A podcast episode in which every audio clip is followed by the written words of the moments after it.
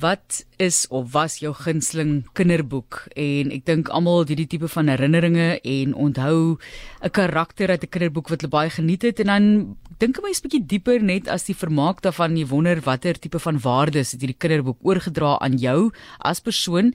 Bianca Flanders gesels met ons. Sy is 'n akteur en bekroonde kinderboekskrywer en ons vind juis uit watter stories hierdie sedes en waardes aan kinders oordra. Baie welkom in jou Bianca. Oh, dankie baie, dankie. Dankie Martie, dit is so, lekker om saam met jou te praat. Ek het nou verwys aan die feit dat jy weet kinderboeke is vermaak. Dis daar om kinders te leer lees, om lief te maak vir lees, maar baie kere ook die lesse van die lewe.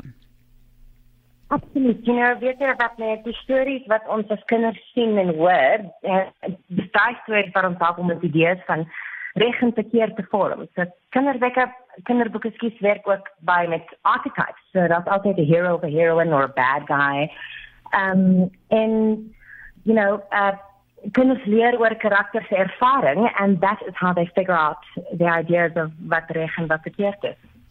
En as jy so kyk na reg en verkeerd, mens wil amper sê wie besluit wat reg en verkeerd is. So jy het nou al baie boeke geskryf vir kinders. Vertel ons 'n bietjie hoe jy daai lesse inkorporeer in die storie en dit nog steeds vermaaklik hou. Ag ja, hasse, my eerste my eerste twee kinderboeke, ehm um, dit is Prinses van Puntpit. Eh uh, die karakter se naam is van Puntpit. En ehm um, sê in my eerste boek het sy gesukkel 'n bietjie met haar hare. Sy het hierdie groot bos krulhare en sy moet leer hoe om haarself lief te hê. En dan in die tweede boek sukkel van Puntpit met haar groen gevoel. Sy kry nou die jaloers and she's got to learn how to be kind. Um and weet jy wat vir my, you know, is it um this ek hoop van om gevoelens te skryf want ek dink kinders sukkel om sekere gevoelens te hanteer, you know, soos jealousy of selfsugtigheid en ek wil hê hulle moet weet dat dis normaal, dis dis normaal. Almal van hulle soms dit almal van ons kry hierdie ongemaklike gevoelens and for me writing and story is a way of helping them get through these uncomfortable feelings. Um ek het net nou ook 'n baie wonderlike um projek gedoen saam met Wimpy en Ethnic Kids. Um en hulle het hierdie great initiative gedoen. Hulle het vir vyf verskillende authors gevra om 'n Bybel te skryf in my book se was uh baboon the dusty and the berries. In hierdie boek is baboon baie gedig en baboon met leer hoe om te deel. So it's like the perfect vehicle for teaching morality. Um and yeah and empathy i think Daar is belangrike statistiek ook hierso Bianca, dit kom by taal en hulle sê dat 64% van boeke in Engels gedruk word, 34 Afrikaans en slegs 13 dan in ander amptelike tale. Baie belangrik vir kinders om in hulle eie en huistaal te lees. Ja, ja, nee, en daai statistiek is nog baie dik, it's scary. Um vir my dis dis baie belangrik dat kinders boeke in hulle eerste taal kan lees. Want ons eerste taal, ons huistaal ehm um, dis die taal waarin ons droom, waarin ons voel en you know, dis die taal waarin ons die beste leer. So for me for a story to have maximum impact, um I think it needs to be that uh, in a concise yes.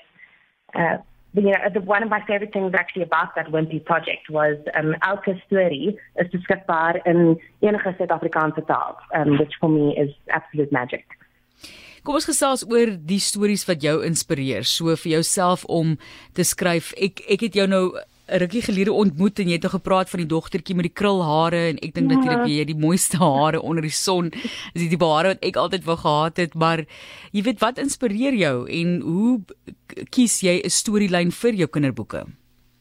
Ehm um, mense inspireer my en weet jy wat ek weet dit klink 'n bietjie weird, but maar vir my ehm um, almal is kinders.